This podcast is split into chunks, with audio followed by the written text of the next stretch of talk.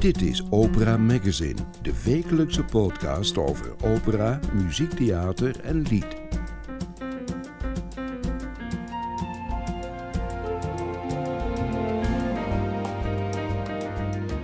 In deze aflevering van Opera Magazine hoort u dat het lied leeft bij componisten en tekstdichters en bij de zangers die komende tijd dat lied tot leven brengen in onder meer Zeist en Den Bosch. Met twee gasten, Merlijn Runia en Vincent Kusters, duiken we in de wereld van het lied. Welkom bij Opera Magazine.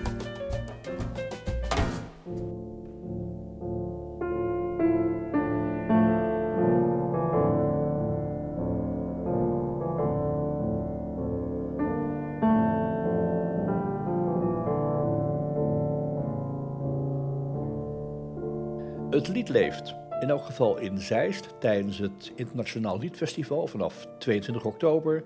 Er is lied tijdens Festival Vocalis in het zuiden. En over ruim een maand begint het Internationaal Vocalistenconcours in Den Bosch. Helemaal gewijd aan het lied.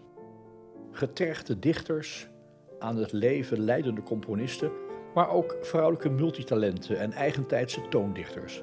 Ze dragen allemaal bij aan de kanon van het lied.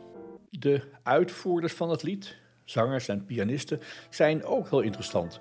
Luister maar naar wat de jonge liedzanger Vincent Kusters te vertellen heeft. En naar het verhaal van Merlijn Runia van het Coco-collectief over hun programma rond componist Pauline Viardot. Poëzie en muziek gaan een verbinding aan. De zangers komen aan het woord in deze aflevering van Opera Magazine.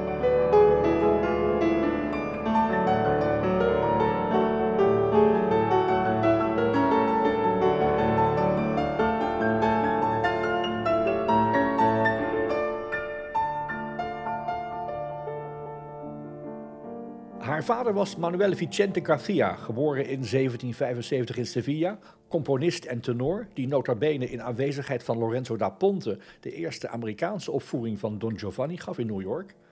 Haar moeder was de sopraan Maria Joaquina Garcia Sitges, Madrileens actrice en zangeres die in die eerste opvoering van Don Giovanni in New York in 1826 de rol van Donna Elvira zong.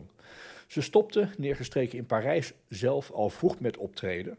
Ze had een zoon, muziekpedagoog. Ze had een hele beroemde dochter, Maria Malibran. En ze had een misschien nog wel meer beroemde dochter.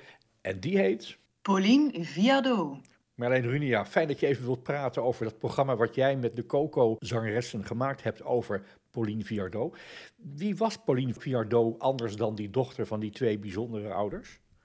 Nou, dat is eigenlijk precies de, de juiste vraag die je stelt. Want altijd als het over Pauline Viardot gaat, dan gaat het eigenlijk altijd over... ze was de dochter van die, ze was de zus van die, ze was de vriendin van die. En eigenlijk um, ja, wordt ze altijd bij, bij, bij de generatie van andere mensen voorgesteld. En wij wilden haar nou eens een keer centraal stellen... en eigenlijk die vraag stellen van wie was zij dan zelf? Dus daar gaat eigenlijk ons programma over.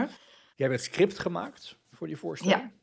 Ja, dus klopt. je hebt ontdekt wie, is, wie was Pauline Viardot. We zijn er een beetje vergeten, gek genoeg, terwijl ze heel beroemd was. Maar kun je iets terughalen van de persoon en het bijzondere van die zangeres-componiste? Het was een hele getalenteerde vrouw. Ze had, ze had een hele, hele bijzondere stem. Het was iemand die, ze was vooral ook eerder actrice dan zangeres. Dus volgens mij iemand die haar stem heel erg inzette als, uh, ja, als echt een dramatisch instrument.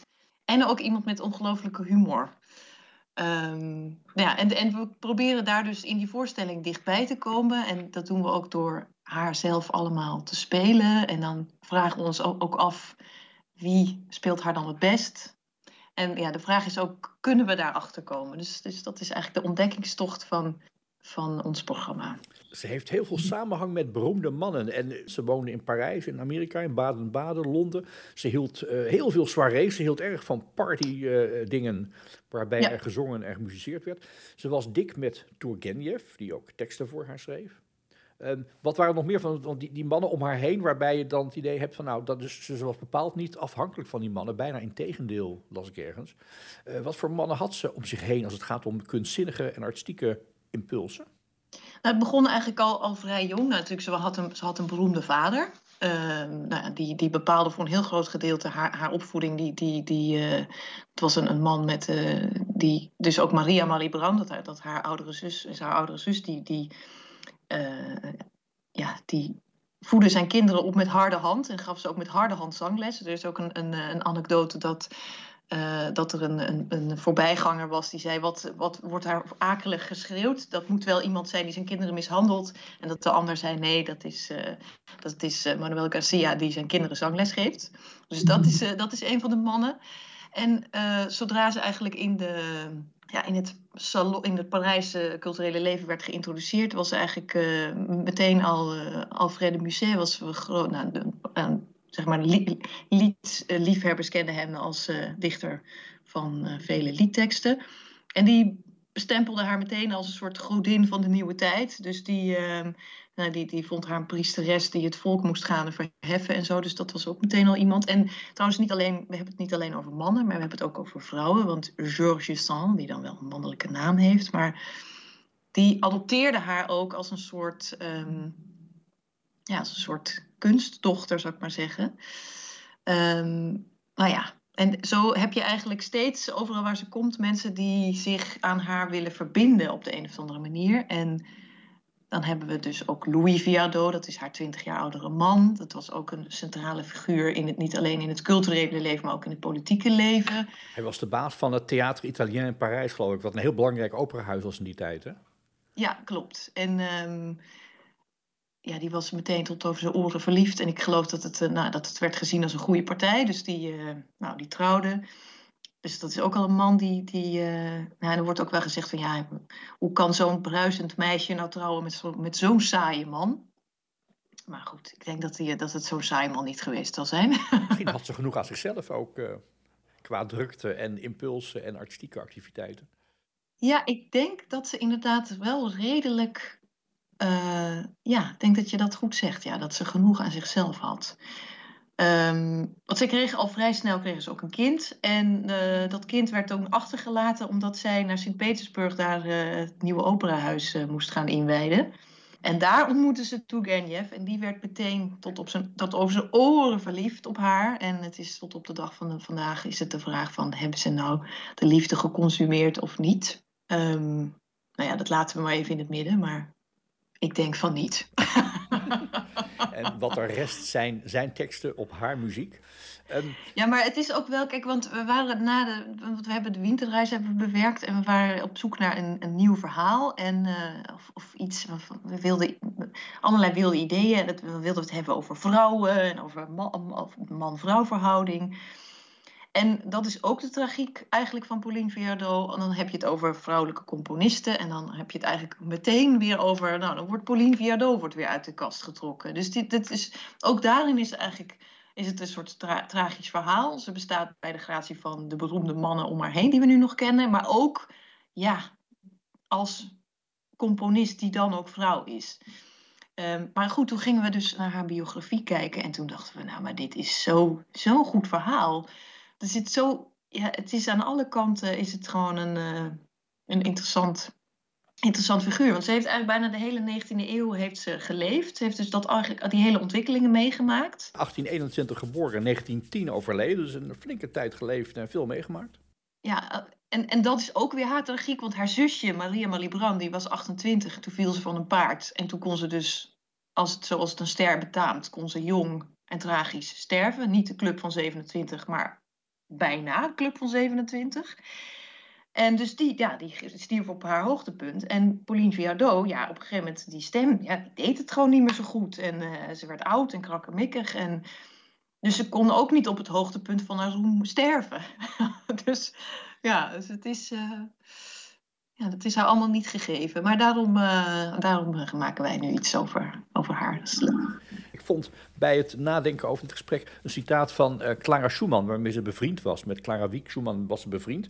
En die schrijft een keer in een brief aan haar man Robert Schumann: Ich tröste mich immer damit, dass ich ja ein Frauenzimmer bin und die sind nicht zum Komponieren geboren. Kortom, het lot van de vrouw is niet dat je zoiets hoogs kan doen als componeren. Dat is de sfeer van die tijd. Hè? Vrouwen, ja, die waren niet heel erg serieus als componisten. Zangeressen wel, maar niet als, als makers van creaties. Wat maakte dat zij wel dat die ruimte kreeg? Was ze zo'n vechter? Nou, ik denk dus inderdaad dat ze, heel erg, dat ze heel erg autonoom is geweest. Maar het is natuurlijk ook een, het is ook een feit dat zij in haar eigen leven, denk ik, vooral toch als zangeres bekend is geweest. Ehm, maar er is ook ergens een citaat van haar dat ze, als het aan haarzelf had gelegen, was ze eigenlijk liever pianiste geworden. Maar dan nog niet van papa, want die vond dat zij zangeres moest worden. Papa had daar ideeën over. Papa had er ideeën over. En, um, dus ze was, ze was zangeres, ze was ook pianist. En ze was componist. En dat deed ze allemaal. Ze was gewoon iemand die, ja, en dat, ik denk dat dat in de 19e eeuw ook wel eh, wat, wat gebruikelijker was dan nu. Ze was gewoon iemand die, die van alles deed. Ze kon ook heel goed tekenen. Um, ja, het was gewoon heel actief, actief en, en uh, enthousiast iemand, volgens mij. Het programma wat jullie gemaakt hebben, Ik Pauline Viardot heet het. Dat bestaat niet alleen uit muziek van Viardot, want jullie plaatsen haar ook in relatie tot een aantal andere mensen, waaronder Giacomo Meyerbeer, met wie ze te maken had in haar leven. Hoe heb je die keuze gemaakt? Nou, Meyerbeer speelde een belangrijke rol in haar leven in die zin dat ze, ze ging eerst naar Sint-Petersburg om daar ver van de Parijse salons eigenlijk haar carrière op te bouwen. Dan kon ze in Parijs zeggen, oh, zij is beroemd in Sint-Petersburg. Toen kwam ze terug naar Parijs. En toen bracht zij uh, Le Prophète in première. Een zeg maar, groot spektakelstuk van, uh, van Meyerbeer. Ze speelde daar de rol van Fides. En dat werd een eclatant succes. En dat was ook, in Meyerbeer was... Nou, het, het, was iemand die, die, die hield nogal van spektakel. Ik geloof dat er. Er zit ook een ijsballet in. En er waren rolschaatsende mensen op het podium. En er was een soort zon van, eh, van, uh, van elektrisch verlichte zon, als dat dan al kon. In elk geval, het was er één spektakel. En het was een gigantisch succes. En daarna. Um, ja, was het dan toch wel het idee dat ze die samenwerking zouden, zouden voortzetten. Maar daarna wilde dat allemaal niet meer zo lukken. En heeft Meijerbeer haar min of meer een beetje laten zitten. En die, dus die, dus die, die relatie is een beetje bekoeld daarna. Um, dus we vonden het leuk om een stuk van hem erin te doen. En, uh, en het lied dat we hebben gekozen van hem heet La Dame Invisible. Dus de, de onzichtbare vrouw. Dat vonden we eigenlijk wel grappig, omdat... Maar dat is misschien weer een zijweggetje. Maar er is een, een andere anekdote over Pauline Viardot die ook heel tekenend is. Ze was bevriend met uh, Chopin. En ze was op dat moment ook zo beroemd dat ze op het moment dat Chopin overleed, op zijn begrafenis mocht zingen.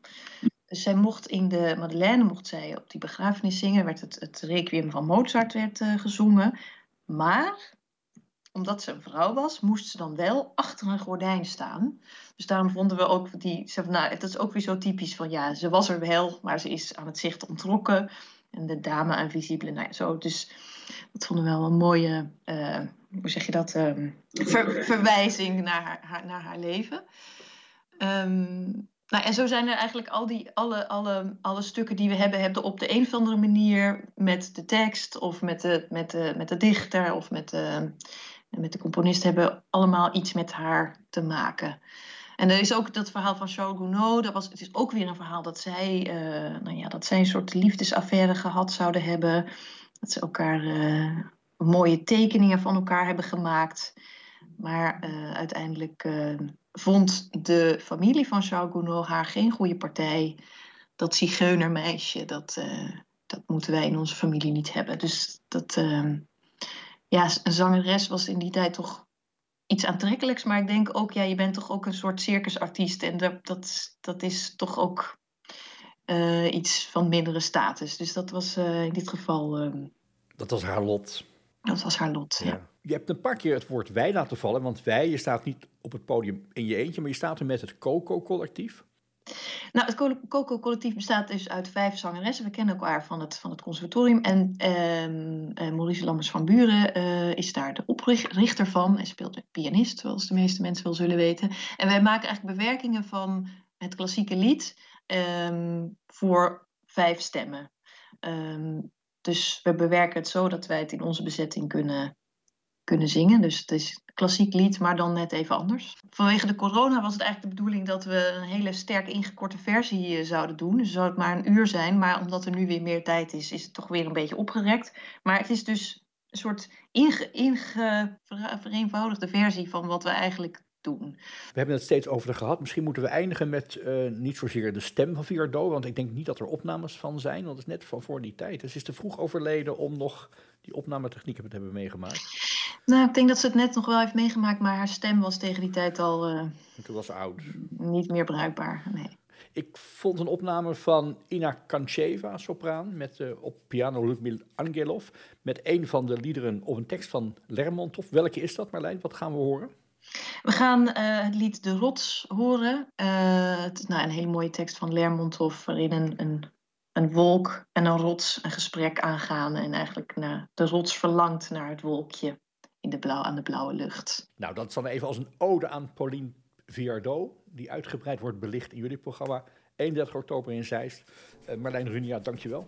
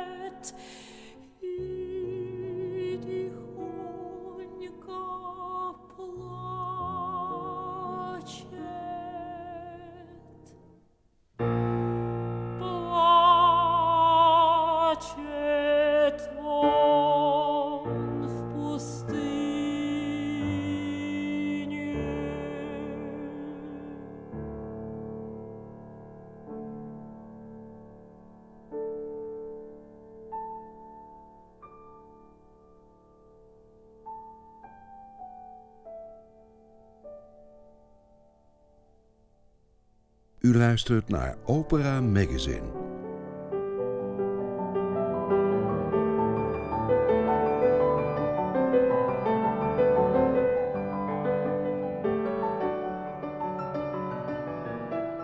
Vincent Kusters, je bent een uitstekend liedzanger. Dat kan ik zeggen. Je kunt het op grond van de prijzen die je al gewonnen hebt ook zelf zeggen. Maar laten we het oordeel overlaten aan iemand die een echte autoriteit is. Wat hij zo mooi doet is, hij staat onmiddellijk in de sfeer van dat lied. Dat is een om, om toestand, er zitten allemaal mensen omheen, dan moeten we weer ophouden. Ja, zo'n opname. Kan hem niet schelen, dit is het lied, hij brengt het. Vind ik knap. Je hoort hem, je ziet hem ook niet ademen. Ja, gosje mikke. Gosje mikke, een krachtterm van deze dame die niet zo vaak met krachttermen werkt. Herken je de stem? Uiteraard, ja. ja. Is Ellie Ameling. Ellie Ameling, ze zei al tegen je bij een masterclass die je recent had voor uh, Podium Witteman. Eind augustus gaf zij de masterclass, althans jij zong voor haar uh, met, met Hans IJzerker samen. En zij gaf een oordeel, en dit was het oordeel wat ze onder andere over je gaf. Hoe kwetsbaar is een liedzanger als het gaat om het oordeel? Want je staat daar zo in je eentje en je staat daar zo, ook nu op tv, voor een camera, voor geluid, voor uh, de natie. Hoe is die kwetsbaarheid als je staat te zingen? In zo'n situatie, ja, je schetst het al, is het natuurlijk, je bent heel kwetsbaar. Je bent een beetje uh, afhankelijk van het oordeel van de master in dit geval. En uh, kijk, normaal ben je ook kwetsbaar, ook als het niet direct beoordeeld wordt door, een, uh, door zo'n grootheid.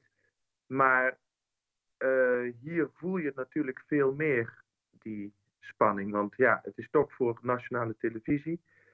je weet echt niet wat er van tevoren door zo iemand gezegd het woord is een absolute autoriteit. Dus ze kan over eigenlijk elk aspect van liedzang, of het nou gaat over hoe je het uitspreekt, of, of heb je het gedicht wel gesnapt, of zing je het wel zuiver, noem maar op, kan zij wel iets zeggen. Dus ja, in dat opzicht stel je heel kwetsbaar op. Maar, dat durf je uh, kennelijk dus ook. Ja, tuurlijk. Um, het is natuurlijk ook een prachtige kans juist om je te laten zien en te laten horen op televisie. En het is ook natuurlijk fantastisch om samen met uh, Ali Ameling om daar te mogen staan. Dat is natuurlijk gewoon geweldig. Zij is de vertegenwoordiger van een wereld die, uh, die groot is, maar ook weer onbekend. Niet heel veel mensen van het grote publiek hebben affiniteit met het lied, kennen het lied ook, kennen de zegeningen van het lied. Hoe ben jij tot het lied gekomen? Want je hebt niet alleen maar zang, je hebt ook nog piano, orgel, koordirectie. Je bent nogal van de breedte als het gaat om talenten. Wat maakt er, kun je dat schetsen, hoe jouw ontwikkeling is gegaan van uh, iemand die van muziek houdt naar iemand die het lied zo aanhangt? Ja, goh, dat is een heel natuurlijk proces natuurlijk. Het is niet van de een op de andere dag dat je opeens zegt, oh, ik ben dol op het lied of zo.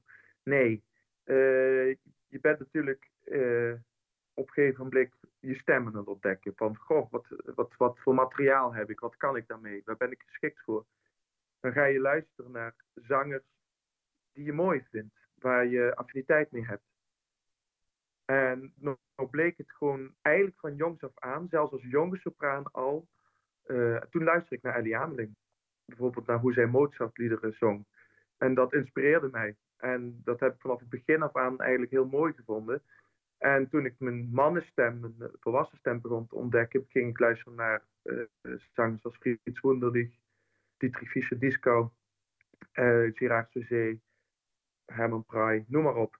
Allemaal, u hoort het, uh, mensen die zowel eigenlijk een sporen verdiend hebben in lied, maar ook in opera. Het is niet zo dat het een het ander uitsluit. En uh, zij zijn eigenlijk altijd een voorbeeld voor mij geweest. En ik heb ontzettend genoten uh, van hoe zij ja, het lied interpreteerden. En uh, wat, ik, wat mij ook ontzettend aansprak en aanspreekt van het lied, ik vind het ook gewoon geweldig dat je heel veel alleen doet. Je creëert die wereld, eigenlijk samen met je pianist. Maar het is veel meer iets wat je helemaal jouw, jouw eigen plaatje is, jouw eigen creatie is, dan bijvoorbeeld bij een opera, waar je veel meer ook afhankelijk bent van wat maakt de regisseur ervan, wat doet de dirigent, wat doet het orkest, noem maar op. Uh, wat doen de andere solisten? Nee, bij, bij lied is het echt helemaal de creatie van jou en je pianist. Dus dat is, uh, ja, dat, dat is een aspect dat mij ook altijd heel erg heeft aangesproken. Muzikaal snap ik het. Voor een jong iemand die hoort muziek die hij mooi vindt. Maar die teksten, die heel belangrijk zijn, daar komen we later nog even op terug. Uh, uh, die zul je niet meteen opgepakt hebben. Ook omdat het andere talen zijn. Um, waren die teksten meteen voor jou interessant? Of heb je dat later ontdekt waar ze erover zingen? Wat, waar het over gaat in het lied? Ja, ik denk in het begin, toen ik echt kennis maakte met het lied, dat ik veel meer natuurlijk naar de muziek luisterde. En dat ik op de een of andere manier, doordat de componist zo goed die tekst heeft weten te uh, in muziek heeft weten om te zetten, dat je toch wel, je voelde precies wat die over ging eigenlijk. Je voelde de pijn, je voelde het verdriet, of je voelde, uh, voelde juist de vreugde, et cetera.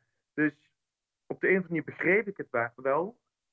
En soms dan, pas jaren later, als ik het lied dan weer opnieuw zag, of als het bij wijze van ik het nu opnieuw zou lezen, dat ik nu pas denk, och, ja, dat is precies waar het over gaat. Omdat ik nu veel meer nog met die teksten inderdaad bezig ben, die vaak wat moeilijker zijn. Uh, je moet ook duiken in de wereld van de romantiek. Je moet dat proberen te snappen van uh, hoe dacht zo'n romantische dichter. Want vaak is het niet heel direct of heel concreet. Ze draaien vaak een beetje eromheen wat ze willen zeggen. Je moet die, die uh, beeldspraak van hen begrijpen. En ja, dat heeft tijd nodig. Dat is ook onderdeel van je ontwikkeling. Het maakt het wel heel ja, eigenlijk hoe meer je ervan snapt, hoe, hoe, verder je komt erin, hoe leuker het eigenlijk ook wordt. Ik heb ooit Thomas Hemsen, een van de grote voorvechters van het lied, gesproken. En ik vond een citaat van hem uit een interview van een paar jaar geleden in een wat lawaaiige hotellobby. En die zegt iets over het lied niet alleen maar als een mooie muziek en mooie tekst, maar ook als een soort dagboek. Laten we even luisteren naar wat Thomas Hemsen zei over het lied. If you, if you look at song, which is a rather unique art form, because it's built from two separate art forms. It's the art of poetry and it is the language of music. And they have a dialogue together and create a third form called song. I don't believe in this question, prima la musica, poi le parole. I mm-hmm. think it's an unnecessary question, and I don't think it's a very good answer to what doesn't need to be discussed.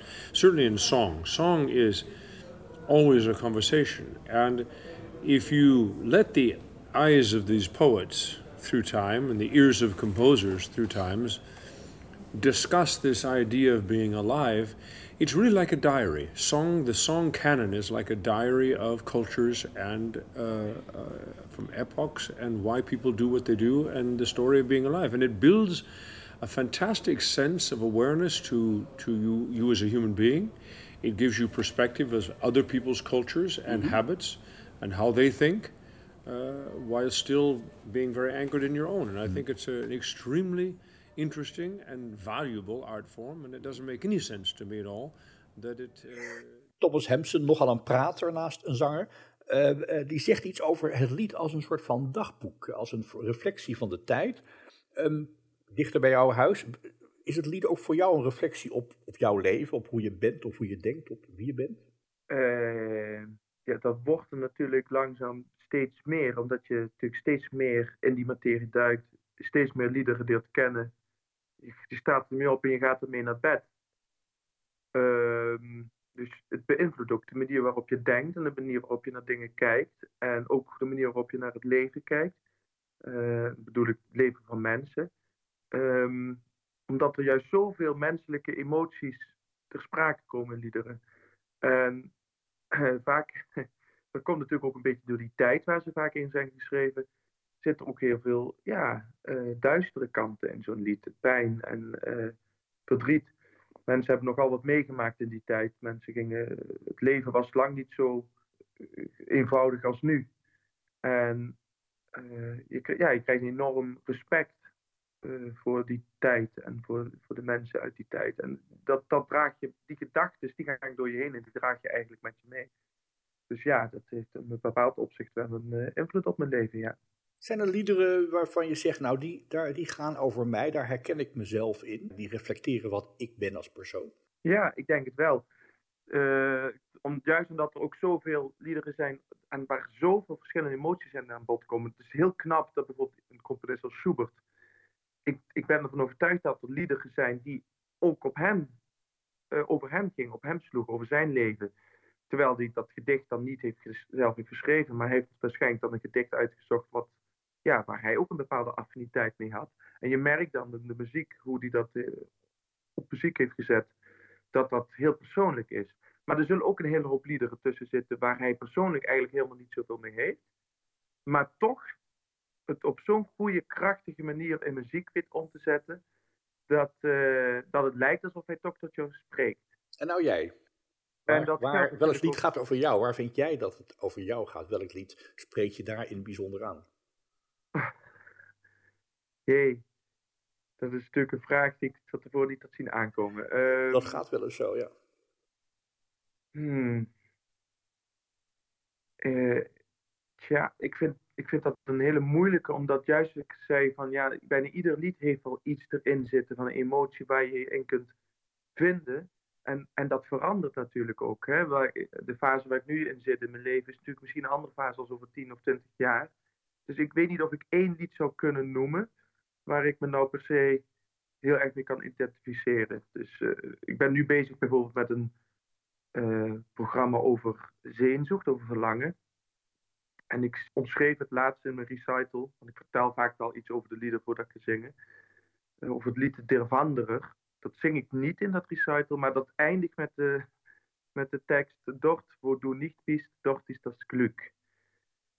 En dat is natuurlijk een hele uberromantische en ook een beetje wat uh, extreme opvatting. Aan de andere kant, ja, ik denk dat we allemaal wel daar iets in kunnen herkennen van, goh, we streven allemaal, we doen allemaal heel erg ons best om iets te bereiken. En dan bereik je het uiteindelijk. En is het dan ook datgene waar je eigenlijk naar op zoek was? En uh, ik, ik, ga volgende week zondag met, uh, met pianist uh, die Schöne Müllerin uitvoeren van Schubert.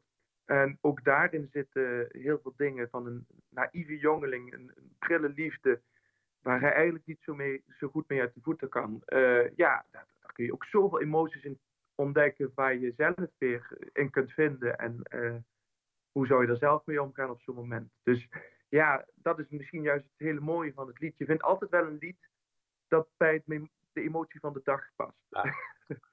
En eigenlijk heb je, je hebt de leeftijd die ook in die Schubert-liederen vaak ziet. Hè? Om dat even te gebruiken, bijvoorbeeld. Je woont niet ver van de Geul. Je woont in Kadir en Keer, iets buiten Maastricht. Ja. Dat is helemaal het landschap waarin die muziek ook heel erg gedijt. Dat klassieke lied gaat heel erg over het landschap. Dus je, je leeft als het ware in het decor van al die liederen die je zingt. Ik denk ook niet dat het zoveel uitmaakt, want iedereen kan zich wel een voorstelling maken van uh, bepaalde decors. Je hoeft er niet per se te zijn om je erin te kunnen inleven. Dat, dat, uh, maar zeker, uh, ja, dat is natuurlijk heel leuk als je dus met zo'n muziek bezig bent of met zo'n gedicht bezig bent, dat je dan ook als het ware het kunt gaan opzoeken. Dat geldt natuurlijk niet voor alle liederen. Er zijn ook liederen die gaan over de zee. Dan zal ik toch ook even in de auto moeten stappen om uh, de zee op te zoeken. Dus ja. Op 23 oktober is er de dag van het lied. Waar komen alle liedliefhebbers uh, van de vereniging Vrienden van het Lied samen. En die komen luisteren naar heleboel interessante zangers. Waaronder jij met je pianist Charlie Bo Meijering. Jullie brengen een programma Fan de Siècle rond 1900, maar ook rond 2000. Het zijn namen die niet iedereen alles zal zeggen, maar Catharine van Rennes kennen we. Willem Mengelberg kennen we. Robert Hol, zanger, maar ook componist. Maar Carl Smulders, Max van Platen, uh, Hans Leenders, Johan Wagenaar zit erbij, Steven Westra. Hoe herken je nou een goed lied? Want Schubert als veilige keuze en Brahms ook en Wolf ook, altijd goed. Maar hoe herken je nou een modern lied of dat goed is? Oh ja, dat, dat is toch echt vanuit je persoonlijkheid.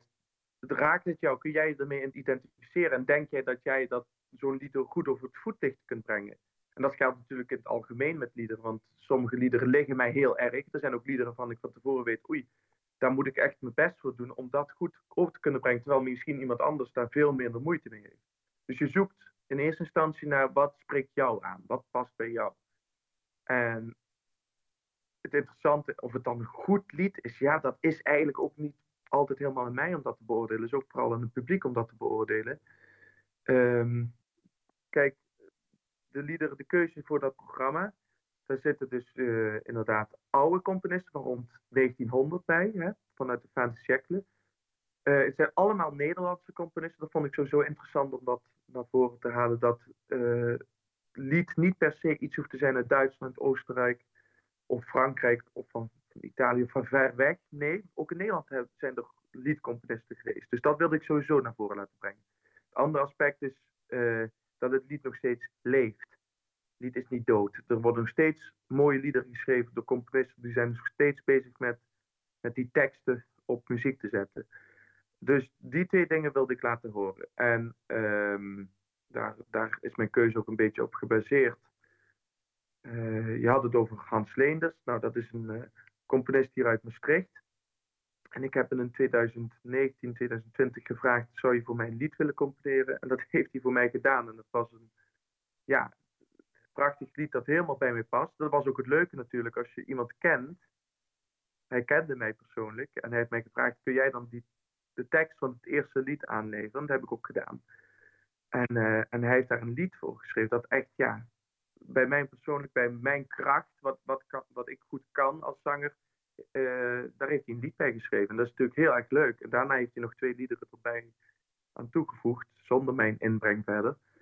En uh, ja, het is natuurlijk gewoon geweldig dat dat voor mij is geschreven en dat ik dat dan kan uitvoeren op zo'n uh, op zo'n dag. Het zijn de Drei Deutsche Lieder. Dat zijn de Drei Deutsche Lieder. Die, eerste, even die eerste tekst, je hebt hem zelf geschreven. Waar gaat hij nee, over? ik heb niet zelf oh, sorry. ik heb mezelf aangeleerd. Ah, oh. Nee, het is niet van mij. Ah. Zo, tekst van Friedrich Hölderlin. Waar gaat hij over? Ja, dat is toch weer dat, dat weemoedige verlangen. In dit geval, uh, dus, dus het gaat over een schipper die thuis komt, de wereld af heeft ge, ge, gevaren. En ik kijk daarna en ik denk van, ja, ik, ik ben ook overal geweest, maar ik heb niks dan leed geoogst. Overal. En uh, eigenlijk het enige wat ik nog wil, waar ik nog kan verlangen, dat zijn de wouden van mijn jeugd, van mijn kindheid. Met andere woorden, ik verlang naar mijn kindheid. Kom maar weer terug naar dat moment. En ja, dat is een weemoedig verlangen, daar gaat het eigenlijk over. Kennelijk spelen weemoed, zeenzocht, spelen wel een rol in jouw muzikale leven in elk geval.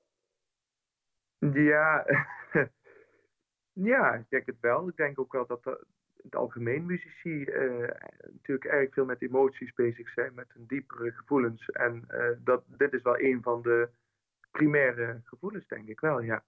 Um, we moeten naar de muziek toe. Ja, want, wat vind jij dat het beste past bij dit interview? Ja, ik heb nu net een, uh, een, uh, een opname gemaakt met mijn pianist Charlie Bo voor een concours in Graz. Schubert und die Musik der Moderne. Daar zit een lied bij, dat vind ik zelf heel mooi, dat heet Zeenzoekt van Schubert. En het is ook heel geslaagd op die opname. Dus ik zou dat graag willen laten horen.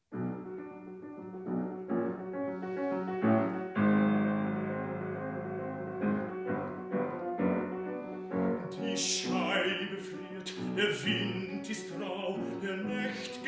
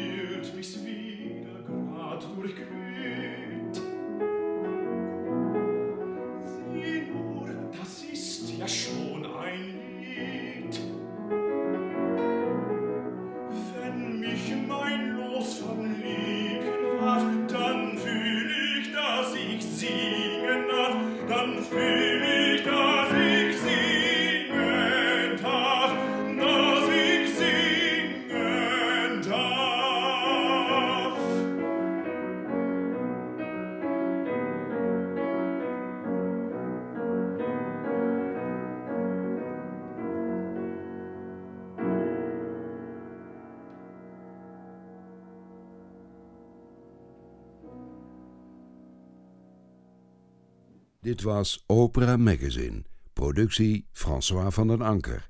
Meer informatie en de volledige opera-agenda vindt u op www.operamagazine.nl.